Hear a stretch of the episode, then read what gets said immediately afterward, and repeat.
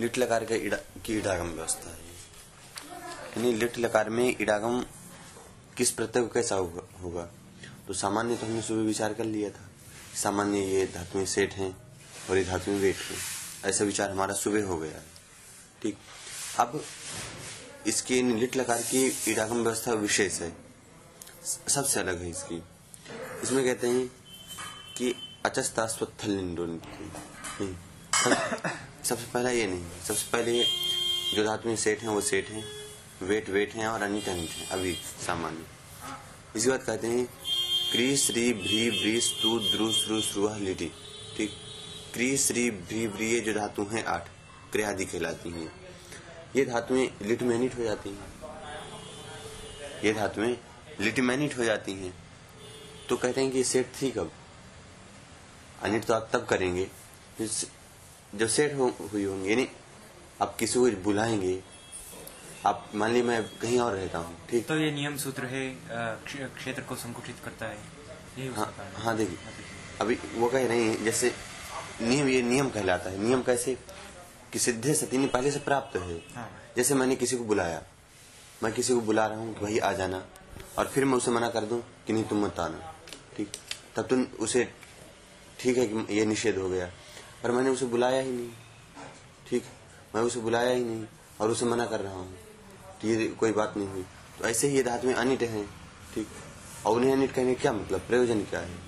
तो यहाँ प्रयोजन देते हैं कि यहाँ प्रयोजन है कि नियम निकलता है इससे। एक नियम हो जाता है कि सिद्धे सती आरब्ध हमारा है, नियमार्थ निषिद्ध होने पर वो पहले से ही सिद्ध है। ये हमें पता है कि पहले से अनिट धातु है। हमें पहले से ही बात पता है कि धातु अनिट है। परंतु फिर भी इसे अनिट कहा जा रहा है। उसका क्या कारण है? तो कहते हैं कि लिट में यही धातु अनिट रहेंगी। ये नियम कहलाती है कि लिट में केवल क्रादि आठ धातु ही अनिट रहेंगी। अन्य जितनी धातुएँ सब सेट हो जाएँगी। ठीक। क्यों? क्योंकि अनिट को कहा है। जो पहले से अनिट है ये नियम हो गया। अभी तक क्या था? अभी तक जो सामान्य पता था कि जो अनिट है, वो unit set set wet wet. ये पता था हमें सामान्य नियम। और यहाँ क्या कह दिया कि क्रीस इत्यादि जो धातुएँ हैं, ये लिट प्रत्यय पर होने पर अनिट हो जाती हैं। तो अनिट को अनिट कहना पहले सिद्ध है और उन्हें दोबारा कहना, यानी वो अनिट है और उन्हें दोबारा अनिट कहना का प्रयोजन क्या है?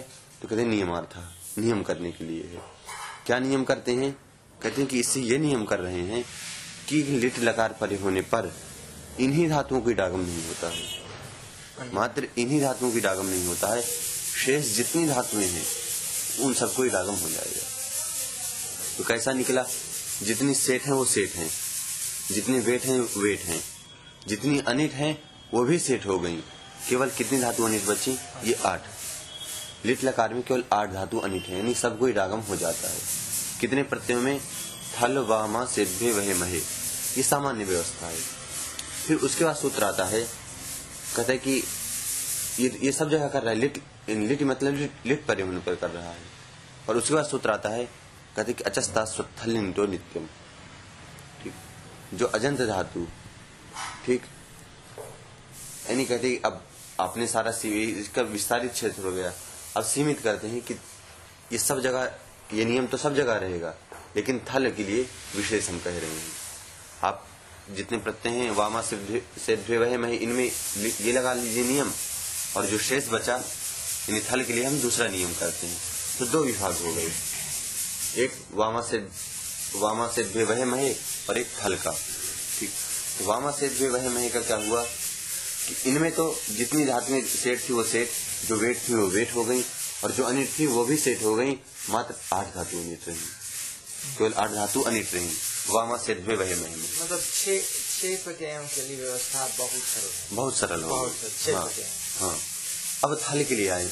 थल के लिए विशेष कह रहे हैं। करें अचस्ता स्वत्थलिंटो नित्यम। इत्युक्ते यानी जो अजंत धातु है जितनी जितनी अजंत धातु हैं यानी जितनी जो अजंत धातु ताश पर होने पर अनिट है वही थल पर होने पर वो अनिट हो जाए। ठीक? तो ताश पर होने पर हमें सामान्य पता है कि जो इडागम है वही इडागम वहाँ पर है। यानी जो सामान्य इडागम है अजंत का वो ताश में बदलता नहीं है कहीं पर। ताश में तो कोई सामान्य इडागम वही जैसा है वैसा कर्ता कर्ता वरिता वरिता। शैता जो भी सामान्य वो सामान्य है। तो कह रहे हैं कि अचस अजंत ऐसी अजंत धातु जो ताश परिवहन पर नित्य अनिट है। जो ताश पर नित्य अनिट है। नित्य अनित हाँ। उसको थल परे होने पर इडागम नहीं होता है। ठीक? वो नित्य अनिट कह रहा है। अर्थात, जो वेट हैं, जो वेट हैं, वो वेट रह गई हैं। क्योंकि नित्य अनिट कह दिया ना इसने। अगर ताश परिवहन पर कुछ और कहता, अनिट कहता अनिट कहता तो वेट भी आ जाती। क्यों? क्योंकि वो भी अनिट एक बार हो जाती। पर ये कह रहा है नित्य अनिट। अर्थात विकल्प नहीं चाहिए। क्यों विकल्प नहीं चाहिए? क्योंकि धुएँ, सुएँ ये सब धातु कैसी है? वेट हो जाती है। ठीक।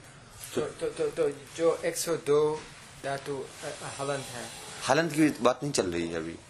अभी अजंत की अचस्ता तो अजंत हाँ, तो। जो अजंत। जो जो द्वा जो बारह और उकारांत और रिकारांत के अलावा जो अनिट है हाँ। उनके लिए। हाँ उनके लिए व्यवस्था यानी ताश परिवहन पर जो सामान्य इडागम है अजंत का वही रहता है। आकारांत अनिट होती हैं इकारांत में दो सेट इकारांत में दो सेट रिकारांत में दो सेट रिकारांत सब सेट उकारांत में छह सेट उकारांत सब सेट एजंत सब अनिट ये सामान्य व्यवस्था है उसकी। यही उसमें है, कह रहा है। तो वो कह रहा है कि नित्य अनिट होनी चाहिए। धातु कैसी होनी चाहिए? नित्य अनिट होनी चाहिए। वेट नहीं चाहिए। नहीं सूत्र में नित्य ग्रहण किया है। क्यों? क्योंकि धुएँ को क्या होता है? स्वरति सुए, धुएँ दिदो भाई स्वरति, सुवरी, सूंग जो ये धातु हैं, चार। इनको विकल्प से होता है डागम ठीक। कहते हैं नित्य अनिट धातु जो उसमें ताश में नित्य अनिट होती है वो थल में भी नित्यानिट हो। ऐसा कह रहे हैं।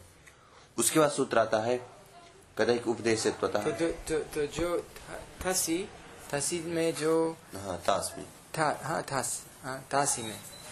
तासी में जो नित्य अनिट है। हाँ अजंत दात अजंत दात वह हाँ। अजंत दात वह नित्य अनिट मतलब वह अ, अनिट हाँ वो जो बारह उनके हाँ, अलावा वही, जो हाँ वही सामान्य जो सामान्य डागम है। तो वे जो है उधर ये यही है इधर भी। हाँ। थ, थ, थल में, थल हाँ। में थल में। हाँ। वही यानी सामान्य डागम की बात चल रही है। सामान्य डागम बात चल रही है। यानी सामान्य जो हो रहा है वही हो रहा है। थल थल। हाँ। तो क्या पता चला कि जो नित्य अनिट है वो नित्य थल में अनिट रहेंगी। ठीक? जो नित्य अनिट है वो नित्य थल में अनिट रहेंगी। ये अजंत के लिए अजंत में। जो नित्य अनिट अजंत है वो अजंत अनिट रहेंगी। और जो वेट है अजंत वो नित्य वेट रहेंगी। थल के लिए हो गया अजंत का नियम हो गया ये। अब फिर हलंत का नियम कहते हैं। कहते हैं उपदेश यानी उपदेशावस्था में जो अत्वत धातु ठीक? उपदेशावस्था में जो अत्वत धातु ऐसी अत्वत धातु भी क्या हो जाती है? वेट हो जाती है। यानी अनिट हो जाती है। अनिट अनिट हो जाती हैं। तो जो अनिट है स्थायी रूप से वो तो है ही। हाँ और हाँ नित्य और- नित्य हाँ नित्य अनिटा की अनुवृत्ति आएगी इसमें। इसमें नित्य अनिटा की अनुवृत्ति आएगी। काशी का आकाश अंदर से जाएगी। तासो नित्य अनिट तासो नित्य अनिट उपदेशावस्था में जो उपदेश में जो धातु अकार बान तास में नित्य अनिट है ठीक? तस्मात तासौ इव थली रागमो न भवती। उसको जैसे तास में रागम नहीं होता है वैसे थल में भी नहीं होगा। अर्थात तास में नित्य अनिट चाहिए देखिए। तास में यदि अनिट कहते तो क्या होता? अक्षु आ जाती। अक्षु तक्षु त्वक्षु तंचु और भ्रष्टु तंचु ये सब क्या है? अकारवान है। अत्वत है। अत्वत मतलब अकारवान। ठीक? ये अत्वत है। तासी तासी आ- आ- केचन जो सेटः सन्ति केचन जो अनिटः सन्ति हाँ। उभयत्र अकारवान् अकारवन्तः धातवः सन्ति उभयत्र। हाँ। तो ये अनिटः सन्ति ते तु सन्ति एव। हाँ। अनिटः। केवलम् अस्माकं चिन्तनम् इदानीं ये सेटः सन्ति। न न सेट तो सेट होती है। देखिए यही तो बात चल रही है। अभी क्या हुआ है? ऊपर से इसीलिए तो कहते नित्य अनिटहा अर्थात सेठ की बात यहाँ नहीं चल रही है। और वेट की बात भी यहाँ नहीं चल रही है यहाँ नित्य अनित की बात चल रही है। द्वितीय नित तो इसलिए सूत्र नहीं हाँ। सूत्र में यही तो कह रहा है। यानी सूत्र अब किसका सूत्र क्या उठा रहा है? वो, वो फिर से बताइए एक बार जो जो उपदेश हाँ, क्या है? उपदेश हाँ, वही- इत्यनेन किं भवति? स्तत्वम् अथवा अनित्वम् अनिन अनिटम अनिट अनिट- अनिटत्वम अनितत्वम् हाँ विधीयते। विधीयते। हाँ। नहीं देखिए पहले सुनिए अनित्यत्वम तो था ही है हाँ पहले सुनिए तो कहता ताश में ठीक अनिट नहीं था क्योंकि क्रियश्री भ्रीवरी जो सूत्र है इससे सब सेट हो चुकी थी समझ रहे हैं अभी थल की बात है हाँ थल की बात है सामान्य नियम क्या था लिट में केवल थल में नहीं पूरे लिट में सामान्य नियम क्या था पूरे लिट के लिए सामान्य नियम क्या था कि केवल क्रियादि आठ धातुएँ अनिट होती हैं शेष सब सेठ होती हैं। केवल क्रियादि अनिट होती हैं शेष सब धातुएँ सेठ होती हैं। ठीक तब उसको बाध करके कह रहा है कि नहीं जो ताश में नित्य अनिट धातुएँ हैं जो ताश में नित्य अनिट धातुएँ हैं? अचस्तास्वत्थल नित्यम। जो अजंत धातु हाँ अजंत। ऐसी अजंत धातु क्यों कह रहा है? क्यों कह रहा है ऐसा? क्योंकि क्रियादि नियम से इसको प्राप्त है सबको। क्रियादि नियम से इन सब अजंत धातुओं की डागम प्राप्त हो चुका है। थल परे होने पर भी। ठीक उसको बांधने के लिए कह रहा है कि ताश परे होने पर ऐसी अजंत धातु जो नित्य अनित है। ठीक उसको थल पर होने पर भी इडागम नहीं होता है। जैसा ताश परे होने पर इडागम नहीं होता है वैसे थल पर होने पर भी नहीं होता है। नित्य अनिट धातु जो। दूसरा विभाग कर रहे हैं ऐसा अवगतम् वदतु अस्तु अ, एतावत् थलिपरे किं भवति इति वदन् अस्ति नहीं देखिए थली पर हाँ। आम् थलिपरे किं भवति इति। अ, परे यानि कानि अपि ये केऽपि धातवः अनिडः आसन्। अनिटः आसन् ते अत्रापि अनिटः इति प्रथमस्य सूत्रस्य आशयः। किन्तु किन्तु किमर्थम् किन्तु त- ता तथा तु आसीत् एव ते अनितः अनितः तु आसन् आसन् एव एवं न, क्रियादिसूत्रेण नहीं न, न, न। अनिट नहीं सेट हो चुकी है उससे हाँ। क्रियादि हाँ, क्रियादि नियम क्या कर रहा है अष्ट अष्ट अष्टौ केवल अनिट अनिट हाँ लिटी पड़ता है थल तो लिट में तो थल भी आ चुका है अष्ट अनितः हाँ। ये सर्वे सेटः। सेटः। पुनः अनितः पुनः विधि- हाँ, पुनः। हाँ। सूत्रम्। अस्तु, तृतीय सूत्रम तो द्वितीय अवगतम कि यदि अजंत धातु है ठीक धातु अजंत है और वो ताश में नित्य अनिट है। नित्य अनिट की बात चल रही है वेट की बात नहीं चल रही। विकल्प जिसको होता है उसको नहीं कह रहे हैं। वेद तो शुरू से शुरू से ही हम लोग इसको बात करके हा परन्तु बात- सूत्रस्य भाषायां तत्र नित्यमिति किमर्थं योजितमिति वदन् अस्ति नित्य क्यों कह रहे हैं देखिए। आप कौ- कौन सा सूत्र अभी? द्वितीयसूत्रस्य द्वितीय सूत्र। नित्य। हाँ। देखिए ऐसा आप पहले ये समझिए देखिए। ये कह रहे हैं सामान्य धातु नियम क्या है? सामान्य नियम हो गए लिट में केवल क्रियादि धातुएँ अनिट होती है। लिट में थल भी आ चुका है तो मतलब थल में भी केवल इतनी धातु अनिट रहेंगी। फिर दूसरा सूत्र आता है वो कहता है अचस्तास्वत थल ऐसी अजंत धातु जो ताश परे होने पर नित्य अनिट होती है उसको थल में भी रागम नहीं होता है ताश की तरह ही रागम निषेध हो जाता है। ठीक है वो तो वहाँ तक ये समझ गए? तो नित्य क्यों कहा? नित्य क्यों कहा इन्होंने? नित्य मतलब वेट नहीं। वेट धातु अब वेट रह गई लेकिन माता बहुत बोल रही थी कि वे तो बात हा वही- माता है तो कस्य आधारेण तथा उक्तवती तो वही अस्ये अस्य ऐसा क्यों? हाँ। वेट मतलब वेट वेट होती है ऐसा नहीं। क्यों? क्योंकि सारा तो कह चुका कहा जा चुका नहीं है नहीं क्रियादि। क्रियादि नियम से तो सब सेट हो चुकी है। क्रियादि नियम से तो सारा कुछ सेट हो चुका है। क्रियादि नियम ये नहीं कहता है कि वेट वेट हो रहे और सेट सेट ओ रहे ऐसा नहीं है। क्रियादि नियम केवल ये मतलब जिस जो छह प्रत्यय है जो थल के बाहर हाँ। उनके लिए वेट कुछ है नहीं कि सब सेट हो गए। आठ के अलावा हाँ। आठ के अलावा सब हाँ। हो गया और वेट रहा ही नहीं। हाँ। छह के लिए। अच्छा ऐसा है? एक मैं सोच रहा था कि वेट जो वेट था वो वेट रहा। ऐसा नहीं है। इदानीं है सो वेट। बस। वो, वो तो इससे कोई मतलब नहीं वो तो छह सातों के लिए सातों प्रत्ययों के सातों प्रत्ययों के लिए वो बता रही थी। छह है। हाँ। उनके लिए वेट रहा कि नहीं रहा? वही देख रहा हूँ। बात को लेकर के हम सब सब सब सब बराबर में पड़ गए हैं। जो छह थल थल को बाहर करके जो छह हैं उनके लिए वेद रहा कि नहीं रहा? उनके लिए? सब जो आठ धातु छोड़कर सभी अन्य हो गए कि वेद वेद बता रहा है, सही बता रहा है सब जानता है। नहीं वो भी ब्रह्मित हो गए वो भ्रम हो गया? ब्रह्मित हो गए छहों में छहों में वेद है कि कुछ नहीं रहा? सब अनिट हो गया आठ के अलावा। आठ के अलावा वेद सब सेठ हो गया नहीं हो गया। अ- वेद रहा क्या भ्रम हो गया? माता जी कह रहा हूँ कि वेट वेट रहेंगी सेट सेट रहेंगे ऐसा कैसे नियम निकला? जैसे वो है तुम्हारे नियम से क्या हुआ? वो तो नियम है। उनकी बात आ रहा है उन्हें अंदाज था तो ये है पूरा। कहाँ से हो गया उसमें कैसे घुसा दोगे तुम? सेठ में कैसे प्रवेश होगा इसका भाई? अंदर धातु और वो बाद में आ रहा है वेट वाला। इसीलिए उसको बाद में रखा है। निषेध को पहले रखा है और विधि को बाद में रखा है। आ धातु का सेठ बना दिया अभी पहले नहीं हुआ है। उसके पहले निषेध चल रहा है। एकाच उपदेश दाता से शुरू कर रहे हैं इसलिए उसके लिए है सब ये। क्या इसको भ्रम हो गया? नहीं। कि छह जो जो थल बाकर जो छह हैं उन उनमें उनमें से कुछ वेद रहा कि वेद न रहा? नहीं नहीं इससे मत सुनो।